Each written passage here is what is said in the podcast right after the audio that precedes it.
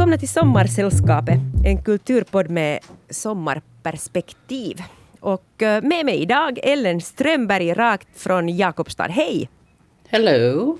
Och med oss också Peter Al-Fakir från Stockholm, Gullmarsplan. Hej! Tjenare, tjenare. Hur är det med sommaren i Stockholm? Det är väl, de flesta är väl ute på landet i sina fina stugor? Jo, de sitter där och, och lyssnar på bofinkar och lövsånger och näktergaler. Själv sitter jag här i, på min balkong i Gullmarsplan och lyssnar på ambulansen. Har ni någonting ni vill rapportera om i det här avsnittet? Jag ska prata om nakenhet, att, att, det, att det är på modet nu, bokstavligen. Nakenhet är så obekvämt. Kunde du inte hitta något ännu mer obekvämt ämne? Jag vet inte, hur många tv-serier har du redan gjort om nakenhet? jag har svårt med nakenhet, men, men det, är bra, det är ett bra ämne. El, ja. Ellen? Tack. Nej, men jag ska faktiskt prata om eh, brunt brus. Har ni hört ett äckligare namn på någonting? Nej, jag ska prata om brown noise. Jag tänker att jag kommer att använda engelska ord, eller engelska uttryck för att jag tycker att brunt brus är någonting, alltså jag, ja. Nej men det är bara, en, alltså det är en grej som jag, som jag kommer att testa nu till hösten, när jag börjar jobba igen. Eh, för att det är en grej som har, som vanligt så har jag tagit det här från min bästa nyhetsbyrå TikTok och mitt flöde där.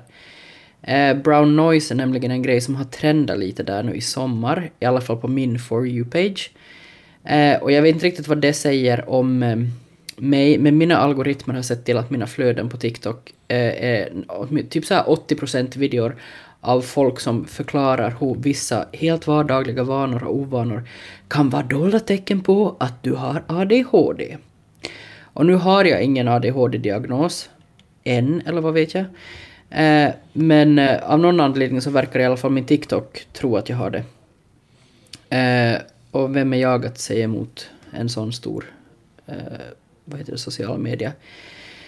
Eh, och ska man tro TikTok så har ju nästan alla ADHD nu för tiden idag. Och, och det är ju helt, eh, det är ju helt sant att det finns liksom en ganska stor sådär, ett ganska stort mörkertal, speciellt bland kvinnor. Eh, kvinnor får, oftare en AD, får ofta en ADHD eller ADD-diagnos först i vuxen ålder för att eh, tecknen är så, eh, så olika pojkars och eh, ja, och allt det här, det här ska jag inte egentligen prata om men om man vill läsa mer om det så kan man läsa boken ADHD från duktig flicka till utbränd kvinna av Lotta Borg Skoglund som är kanske hon är någon slags överläkare och har väl också studerat lite, så jag tror att hon är en lite säkrare källa än de här kidsen på TikTok som hoppar runt och, och berättar att om du kliar dig på huvudet på ett särskilt sätt så betyder det att du har ADHD och sådär.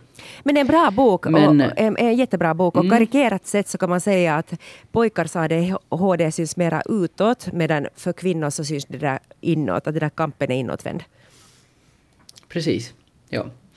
Eh, men en sak då som på, i de här ADHD-videorna nu som, vi har, eh, som flödar över i mitt flöde, så nu har de här ADHD-kidsen, och nu vill jag inte låta så raljerande som jag låter, de, de, flera av dem har säkert ADHD och kämpar med det dagligen, men jag tror att också ganska många bara är ganska trendkänsliga. För att eh, före de här ADHD-videorna så var eh, mitt flöde ganska mycket av folk med Tourettes. Det var liksom det var det som trendade som, som diagnos på, på TikTok före det här ADHDn kom in och eh, jag har svårt att tro att alla de som låtsades ha Tourettes och sminka sig och sådär faktiskt hade Tourettes. Ja, nåja. Men hm, vem, vem är jag att diagnostisera någon eller inte diagnostisera någon? Men en sak som jag faktiskt blev ganska nyfiken på att testa, som de här har lärt mig då, så det är det här med brown noise. Och ni är kanske, eh, ni är säkert bekanta med white noise den grejen? Jo, jag har, jag har en app just för att, för att kunna studera eller jobba, så ibland sätter jag på white noise. Mm. Här, är, här är lite white noise. Ja. Man, man, det låter lite som att du tog luften ur en ballong. Man använder ju den ofta för, för att få små barn att somna till exempel. Ja, precis. Eh, alltså brown noise är eh, har faktiskt inte fått sitt eh, namn från färgen som man skulle kunna tro. Utan från en människa som heter Robert Brown som var, och någonting som då heter Brownsk rörelse. Och Robert Brown, alltså nu ska jag inte gå något långt in på det här för det är som inte så jäkla intressant, men han var en, han var en skotsk biolog och paleontolog på 1800-talet som studerade, studerade Brownsk rörelse, eller det är liksom namngett efter honom. Och Brownsk rörelse har jag ingen aning om vad är, men enligt Wikipedia så är det, håll i nu, den slumpmässiga rörelse som främst kan iakttas hos mycket små partiklar som svävar i en fluid, fysikaliskt begrepp som motsvarar vätska eller gas. Och som jag har förstått det så är det ungefär som typ, det har någonting med atomer att göra och Einstein var jätteglad över att Brown hade pysslat med det här på sina lediga stunder och så. Men, men det, har, det har blivit namngett efter det då eftersom det här ljudet då eh, jag vet inte, alltså det finns en så här jättelång förklaring på det här för Wikipedia. Men jag hade fem i fysik hela gymnasiet så jag förstod ingenting. Och jag har ju också eventuellt då ADHD enligt TikTok så att jag, jag skyller på det. Eh, men det här sådär kortfattat kan man säga att brown noise är som white noise, bara att det är dovare. Och jag har alltid tyckt att white noise är lite sådär...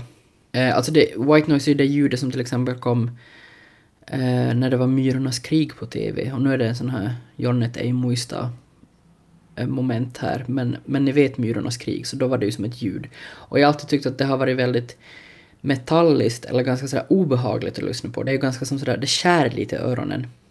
Så därför har jag aldrig liksom testat just såna white noise-appar och så. Men brown noise så är liksom mycket dovare och låter mer som, som, att, som ett stort vattenfall som är på ett så här behagligt avstånd från dig. Eller ett sån här riktigt, ett riktigt starkt regn när du sitter i ett litet hus med plåttak. Eller varför inte när du sitter på ett flyg eller ett tåg och det liksom lite så här susar om, om farkosten. Och det här är då, det här, alltså det här är ju som sagt inget, alltså det här är ju inget nytt påfund, det har ju då funnits åtminstone, eller Ljud har väl funnits alltid, men det här har liksom första gången då noterats någon gång i samband med den här Robert Brown. Men nu har då kidsen på TikTok hittat det här. Och många av dem säger att, att det här brown noise eller bruna bruset får dem att eh, både fokusera bättre men också att eh, somna lättare. Och speciellt då de här med ADHD är helt sådär Oh my god, min hjärna är tyst för första gången någonsin och bla bla bla bla bla. Och det här har jag faktiskt tänkt, jag har ganska, jag, har kanske lite svårt att koncentrera mig ibland och jag brukar också alltid skryta om att jag jobbar så bra på tåg. Och så har jag också en sån här, en stark dragning till alla slags... Eh, jag har alltid tyckt om alla slags ljud som på något sätt har med vatten som rör sig. Det är väl ett ganska mänskligt drag med så här vågor mot en strand eller en tvättmaskin eller just ett vattenfall eller eller till och med så här snö som knarrar under skorna. Allt det är ju som det behagligaste man kan lyssna på. Så jag kommer att försöka lyssna på brown noise i kontoret nu till hösten. Och säkert bli jätte, jätte effektiv. Eller vad vet jag? Men, Men intressant, äh, alltså det där med bruna, mm. Det har inte, jag har inte eh, stött på det tidigare, för jag stöter på det här white noise hela tiden. Och jag mm. undrar att om de ändå är väldigt lika, för att min white noise-app har också faktiskt äh, regn som faller och den har café, den har mm, en katt som spinner, den har ett vattenfall. Men det där är ju liksom, det där är ju som ganska konkreta ljud. Alltså jag har sökt på så brown noise på Spotify som man till exempel kan göra. Och då kommer det en massa så här jättelånga spellistor som bara är typ så här, så att säga låtar med typ så här tre minuter helt bara så här brus. Alltså det är inte som, det är inte, man kan inte som säga vad det är eller någonting. Det var intressant att höra att brown noise inte hade att göra med färgen, för att annars så kallas de här ljusen, att man har tagit det som bara en analogi från regnbågens färger och bara mm. börjat kalla det för olika saker beror, beroende på att hur många hertz det där frekvensen är. Jag, jag... Nej, det är ju lite kul faktiskt att det kommer från. Så nu har ni fått både en fysikhistorielektion och ett tips inför den stundande arbetshösten. Men ett tips är att inte ha på det där ljudet för högt, alltså det ska vara ganska svagt tycker jag, annars blir man bara störd eller får obehag. För att jag tycker att det där Myrornas krig är väldigt obehagligt ljud. Ja men det är ju för att det är inte brunt brus. Det är ju det är white noise. Det du vill ha är brown noise. Och det är en stor skillnad för att jag tycker också att här, white noise ofta är ganska obehagligt men det här är ganska sådär Det är liksom en lägre frekvens kanske. Jag vet inte vad det betyder. Men jag tänker att jag kan kanske återkomma till hösten sen när jag har suttit och studerat det här med det här bruna bruset i hörlurarna så kanske jag har förstått allt. Här kommer White Noise. Det-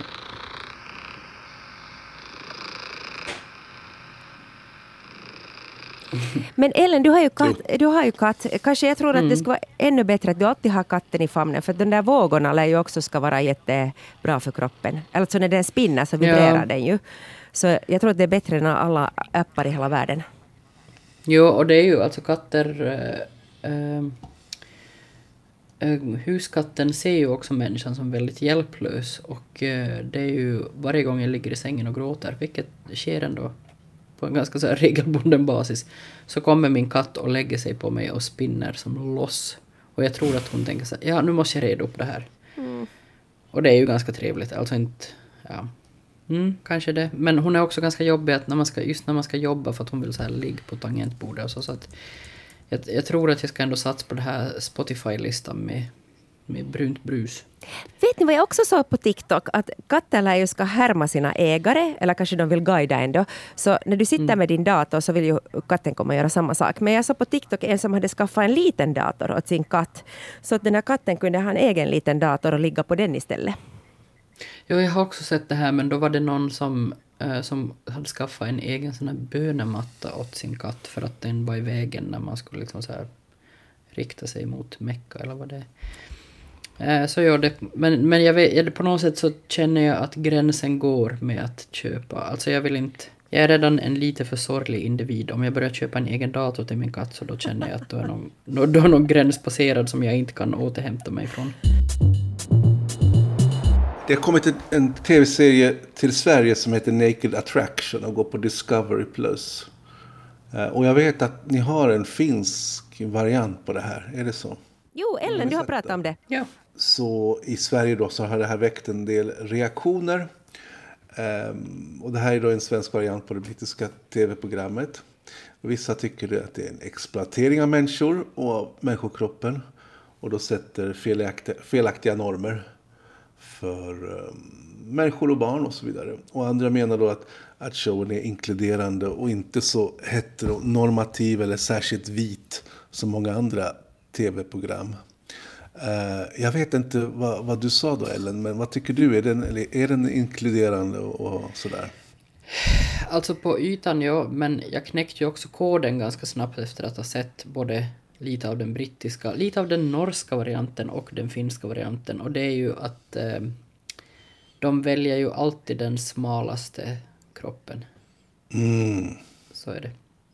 Den koden hade inte jag knäckt, för jag har inte riktigt ännu lyckats knäcka Discovery Plus eh, inloggning. Man måste betala för den. Eh, och jag tänkte väl egentligen inte prata om Naked Attraction som sådan, eftersom du redan gjort det då. Men jag tänkte prata om nakenhet som en trend. Eftersom det är sommar så, så brukar man också bli så i Finland och i Sverige att man klär av sig kläderna.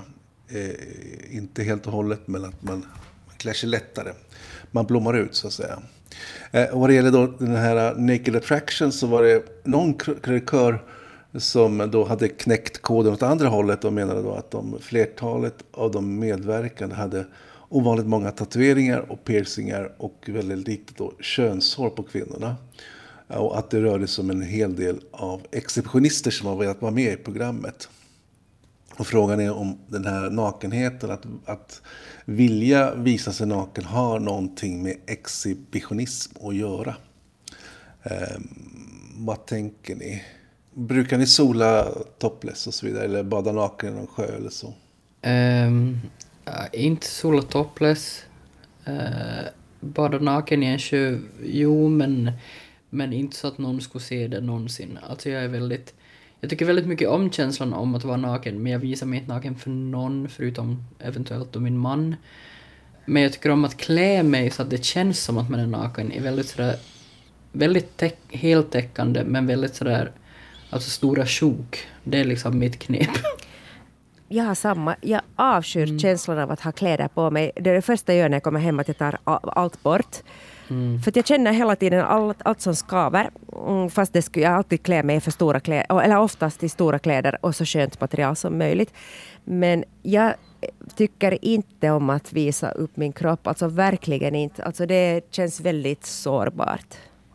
Nu verkar det ju som att den här showen, Naked Attraction, då har sålts in mestadels till länder i norra Europa. Har ni tänkt på det?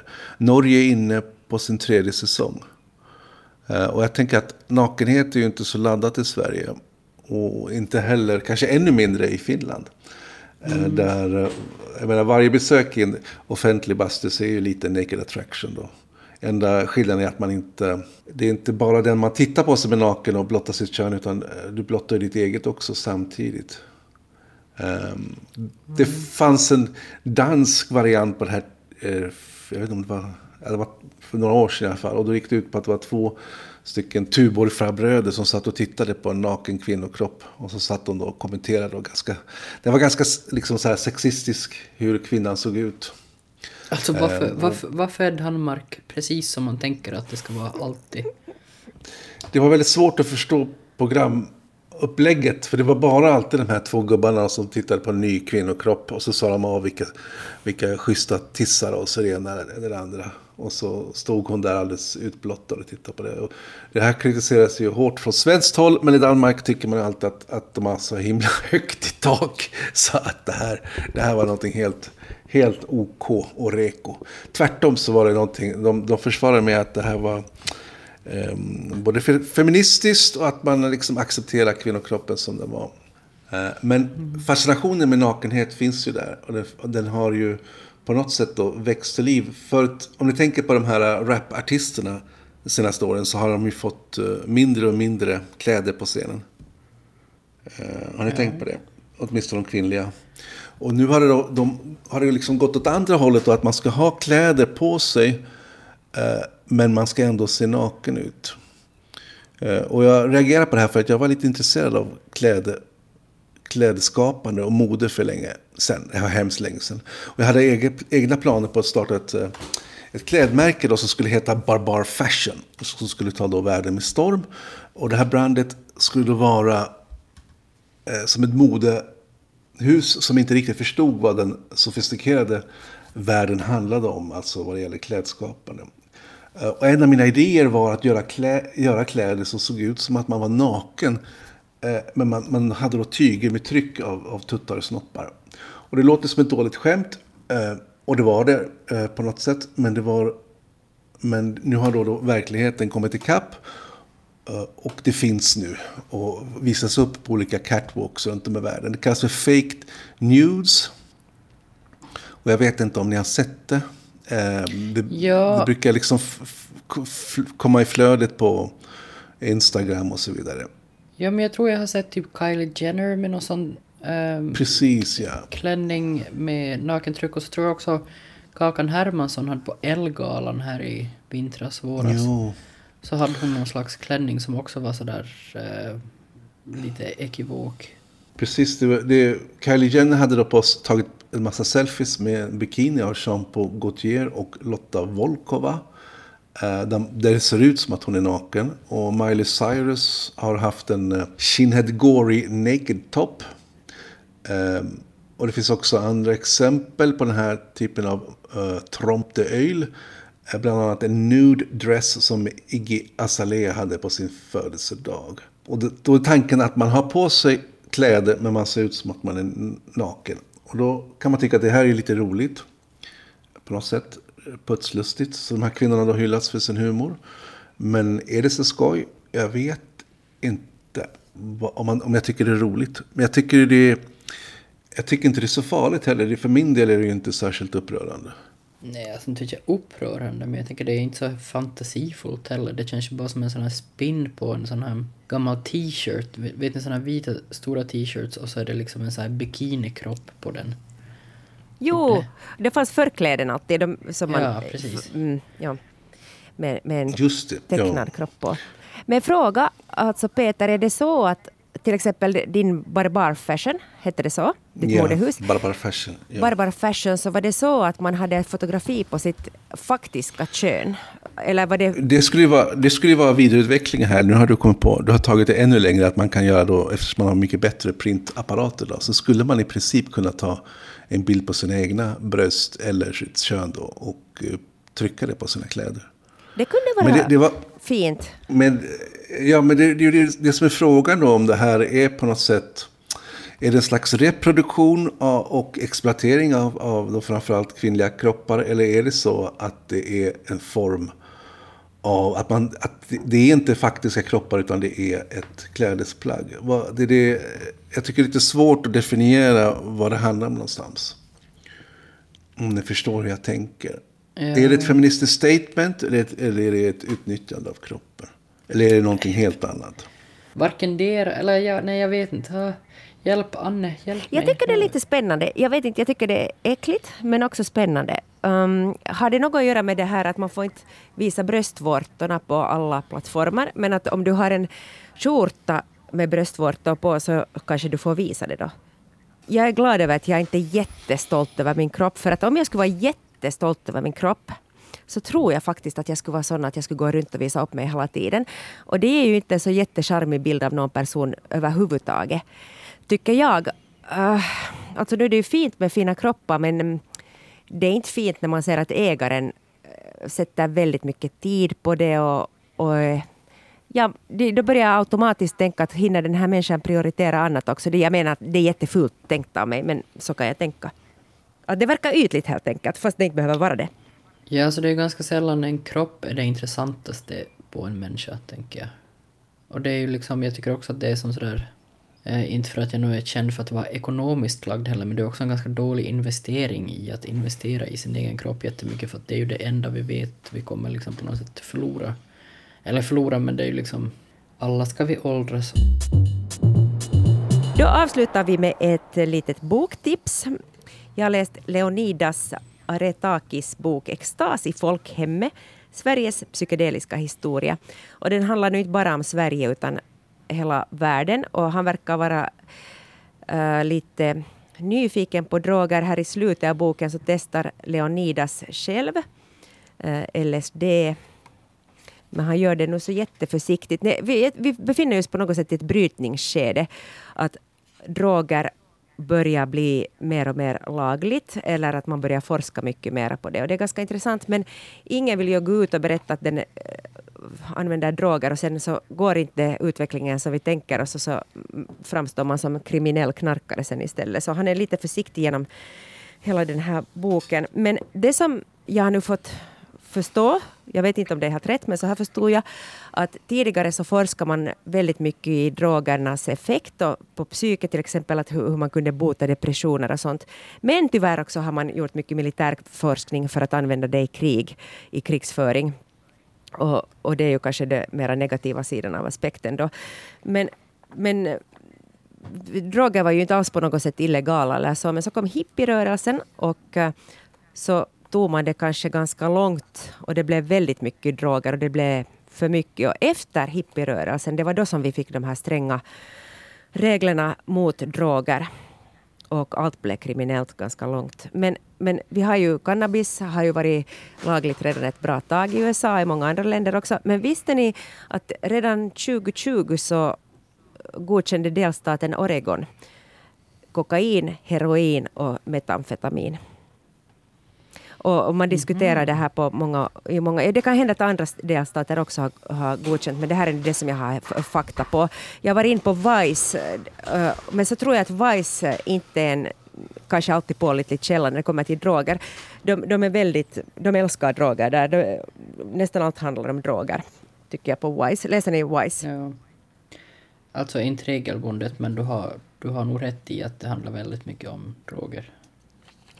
Men jag tycker att det är väldigt intressant ifall man faktiskt kan eh, komma, liksom hitta lösningar till att bota svåra depressioner och att man skulle kunna för att vi fortfarande är det ett mysterium, så mycket med hjärnan är ett mysterium och uh, nu finns det alltså riktigt bra forskning på gång på överallt om uh, till exempel psilocybin och hur det skulle kunna uh, ributa hjärnan. Istället för en elchock så kan man kanske göra det på ett annat sätt som kanske till och med är mildare, det vet jag inte. Men jag tycker det är superintressant. Jag är personligen jätterädd, kanske ännu mer för läkemedel som ut, skrivs ut av doktorer än, än Nej, jag, jag, alltså, jag tycker inte om saker som inte är lagliga, det, det gör mig livrädd. Men samtidigt så läkemedelsindustrin är nog extremt skrämmande. Och jag tycker att det har varit så konstigt hur vi så där svartvitt har tänkt att det var det som... Mm, alltså att, att droger som är illegala har varit illegala, alltså det är bara jättehemskt. Men allt som läkarna skriver ut, det är nice. Och det är ju faktiskt inte så. Och jag jag, jag tänker så här att läkemedelsindustrin har varit ganska ointresserad av sånt som är bioidentiskt eller naturligt. Helt enkelt därför för att man kan inte ta patent på det och göra stora pengar på det. Och jag hoppas att forskningen inte stannar på grund av det. Jag tänker mig att en eventuell legalisering, alltså jag, jag kan nästan ställa mig som bakom en eventuell legalisering. Inte så mycket för att jag själv längtar efter att få knarka lagligt för att jag kan knappt dricka kaffe utan att bli galen. Eh, men eh, men vad heter det, men för att människor som eh, är intresserade och använder droger är så jävla osympatiska och tycker att de är så jävla coola ofta. Och det skulle vara ganska skönt att på något sätt få punktera det, den coolheten liksom att men nu, nu, nu är ni inte rebeller längre. Nu är ni bara som vilka som helst. Så för den nu, är ni, nu är ni kaffedrickare ni också. Precis. Alltså det här med att heroin är lagligt, det, det, det kan väl inte stämma? Jo, jo, men det är alltså små, do, små doser. Det är inte så att du får gå runt med massor med heroin ens i Oregon, men, men små doser. Och jag kan förstå på det sättet att folk som på riktigt är missbrukare och utslagna, så det hjälper ju inte dem att de också blir kriminella. Att, eh, jag, kan se, jag kan se de där bra effekterna med att avkriminalisera också heroin. Mm. Men, men det, jag, jag, vet inte, jag vet inte riktigt exakt hur det här fungerar. Men visste ni att Mark Zuckerberg och, uh, var en av de här personerna som var bakom det här lagförslaget i Oregon att det skulle gå igenom. Han donerade massor med pengar för att få det igenom. Och sen också John Legend, en sångare, jag vet inte, han var också jätteaktiv Va? i det här. Jag trodde han var sådär superhel-Ulle. Ja, det är kanske det han vill vara. Han vill vara laglig. Ja. Men jag vet alltså, inte... Hur, hur är det i Finland? Ja. Får jag bara fråga, hur, hur är det i Finland? Åker man fast om man, om man röker en joint? Det vet jag faktiskt inte. Jag, jag vet inte. Jag tror... Det, det man också säger att man skulle... Att I USA när cannabis blev lagligt så det var det att poliserna skulle slippa använda tid till det. Att folk som röker för sig själva och kanske inte gör så på det sättet skada åt andra, bara att sig själva då i så fall. Att, eh, att man ska kunna då bekämpa grövre brottslighet. Men jag har, inte, jag har inte hört att någon skulle ha blivit fast för det. Det är väl kanske mer det där langande och sånt som... Nu är det ju olagligt men jag vet inte. Ja, nej, alltså förr när jag var yngre och faktiskt trögt gräs ibland så hade man ju stenkoll på var gränserna gick men nu är det så länge sedan så jag har som inte... Jag har inte uppdaterat mig på Finlands droglagstiftning. Um, men det fanns men det gränser väl... då? Att man... Ja, men, men visst finns liksom medicinsk eh, marijuana nu för tiden i Finland? Alltså visst är det lagligt att... Eh, att man kan faktiskt få utskrivet, alltså inte... Jag antar att man inte får en färdigrullad spliff utskriven, men att man får någon slags... Alltså THC för vissa typ reumatiska sjukdomar eller så. Jo, jo, det kan man få. Ja. Men jag tror att det är inte så lätt att få. Men det är också, alltså folk, palliativ vård, där tror jag att man kanske ger det uh, lite lättare. Jo. Men det är ganska nytt också i Finland. Men, men vad tror ni, åt vilket håll kommer det att gå? Kommer vi att legalisera cannabis i Norden? Eller har vi ett så starkt alkoholmonopol att, vi måste, att man vill att folk dricker alkohol istället? Jag tror att det, vi kommer att legalisera. Jag tror, att, jag tror nog det är en stund till det, men, men jag tror nog det är de, alltså vi kopierar ju allting av USA, så varför skulle vi inte kopiera det här? Och, och jag tänker också att det har, alltså som, inte för att jag, det är inte en hjärtefråga för mig, jag kommer inte att sörja om inte legaliserar, så det känns som att jag bara sitter och pratar om fördelarna nu. Men det är ju också ett jättestort liksom, skulle det legaliseras så skulle man ju kanske också få på något sätt lite bukt eh, av, alltså med en jättestor svart illegal bransch som liksom exploaterar människor ganska mycket. Uh, Så jag tänker att det kanske, ja vad vet jag. Men inte, jag kommer inte att... Eh, jag tycker inte att det är en akut samhällsfråga. Det gör jag inte. Peter, hur, ser- hur ser den där diskussionen ut i Sverige? Ish. Alltså vi, I Sverige har, ju, har vi ju jättestora problem med det här med gängkriminaliteten. och Den drivs ju på till, till viss del, eller till stor del av eh, drogförsäljning. Och då är cannabis en stor del av det. Så en teori, en, ett spår som många driver är ju att om man legaliserar cannabis så drar man undan mattan lite grann för dem. Um, och då finns det inte heller samma behov av att skjuta på varandra och kämpa om territorium om, man, om eh, det pengarna inte finns där. Um, och sen så var det nu en, att man skulle göra en utredning tror jag om kriminalpolitiken. Men att sossarna då valde att inte eh, lägga in eh, en punkt om att avkriminalisera eh, droger för eget bruk. Och det, var, det ledde också till, till eh, kritik varför man inte passade på och ändå en gång för alla tittade närmare på det här. Så att i Sverige, och åtminstone inom vissa delar av, av, av Socialdemokraterna så verkar det vara väldigt svårt att, att tänka annorlunda än det man redan har gjort. Man vill gärna ha de här hårda straffen och den här hårda synen på, på narkotika. Jag tror fa- faktiskt att det fortfarande är, är olagligt att ens ha eh, narkotiska preparat i blodet. Eh, Det, handlar, det behöver inte ens vara så att du bär på, på narkotika eller säljer utan det räcker med att du har använt det. Men tänk, Så det är tufft. Tänk vad underligt att däremot får man nog ha hur mycket promille som helst. Okej, inte när man kör bil, men annars. Mm. Jo. Men, Men jag det tror att det hade, också- varit, ja. det hade varit smart tror jag av Sverige att åtminstone utreda frågan. Det, det, det, det känns ju som att tendensen och trenden går åt det hållet. Dessutom så har man ju eh, nästan helt fallerat på alla andra sätt vad det gäller att ta tag med, med eh, den gängkriminaliteten. Du måste tänka utanför boxen här och det har inte gjorts alls. Utan alla bara håller på och skriker om hårdare straff och längre fängelsestraff och visitationsregler och eh, titta på Danmark och alltihopa. Det, det finns få subkulturer jag tycker är så osympatiska. Som just så här. "Ah, jag är för legalisering. Man bara, ja okej.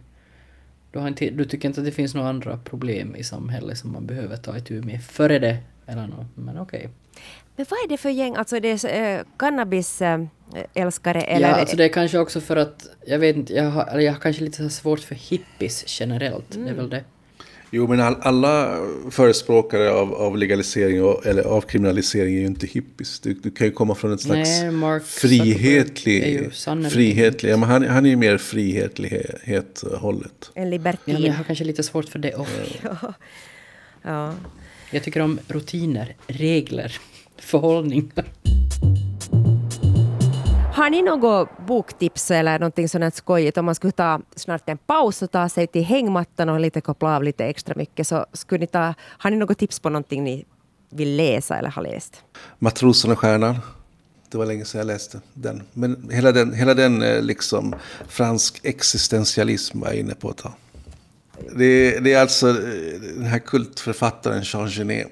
Aha! som var, som var kriminell eh, och satt i fängelse och homosexuell och då liksom båda de två de här läggningarna att vara kriminell och homosexuell ansågs som någonting perverterat på den här tiden. Eh, och han vände det till att det var någonting otroligt vackert. Det fanns inget vackrare då än, än just hans egen livsstil. Och så skrev han böcker om det på det här sättet. Men jag var fascinerad faktiskt av eh, eh, eh, filmatiseringen Matrosen och stjärnan då som var, vad heter det, Fassbinder som gjorde en, en, en film, jag tror 1982. Kanske var Fassbinders sista film. Om ni har sett den. Då. Kirell heter den på engelska. Den är helt fantastisk. Om man, om man vill börja titta närmare på Jean Genet så ska man kanske gå via då Fassbinder.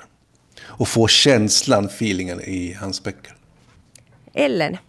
Ja, nej, jag vill tipsa om um, dels en tv-serie, eller ja, det, min, min, kanske mitt livs största tv-serie, Glappet, som kom första gången 1997 och numera finns på öppet arkiv på SVT, så man måste klättra över någon slags geoblocking om inte man som Peter bor i Sverige. Men en sak man inte behöver eh, slå sig in på den kriminella banan för att se om inte man har som jag säkrat det och köpte på DVD för länge sedan. Så det är att, eh, eller jag blev jätte, jätteglad när jag såg att P1 Kultur har en TV-cirkel, eller har haft en TV-cirkel nu, i sommar om den här TV-serien. Och det finns få saker jag tycker så mycket om som att höra på när någon nördar ner sig i någonting man själv känner till väldigt, väldigt väl, men förstås alltid kan lära sig mer om. Och Glappet är alltså, jag vet inte om ni är bekanta med den här serien? Jo, jag har hört om det, aldrig sett någonting. Har du aldrig sett den? Aha, nej. Förlåt. Anne Hietanen, Aj, aj. nu sätter du dig och ser det.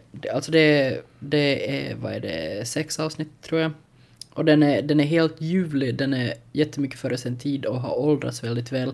Och det handlar om Ella och Josefin som är kanske sådär 16-17 och försöker hitta sitt, eh, sina platser i livet som kvinnor eller flickor eller människor. Och den har också, det är också därifrån världens bästa låt Burning med Q, kommer ifrån. Och eh, ja, nej, så, och den här tv-cirkeln då eh, finns på, på, SRs, på SRs sidor helt enkelt. Och där går de igenom avsnitt för avsnitt världens bästa tv-serie Glappet. Så den, eh, det radioprogrammet vill jag tipsa om. Jag har också ett litet, litet tips. Det är en bok som jag inte ännu har läst, men den är liten och tunn och folk säger att den är mycket stor. Jag tycker om korta böcker, alltså jag tycker också om långa böcker, men jag tycker om mm, sådana som man har lyckats komprimera essensen i bara några få ord. Det gör mig jätteimponerad. Och det är Natasha Brown som har en bok som heter Samling. Jag gillar det här gigantiska namnet Samling och då tänker man att det är jättestort. Och det är en sån bok som dyker upp alltid i mitt instaflöde som folk verkar läsa ganska, ganska mycket. Den är översatt, översatt av Matilda Södergran. Natasha Brown samling. Kort bok, handlar om vithet, ras, klass, alla stora ämnena. De finns där och det lär ska vara jättefin litteratur. Tack för idag, det var jätteroligt. Här är vi nu. Ett, en timme, Tack själv. lite äldre, lite klokare. Lite naknare. Nu, nu, nu kunde man kasta av sig alla kläder och, och hoppa i sjön. Och lyssna på Brown Noise. Nej, men, Precis. eller på naturen. Eller på, vad heter det? Med en joint, med en joint i munnen. Jo. Tack Ellen Strömberg och tack Peter Alfakir. Vi hörs igen.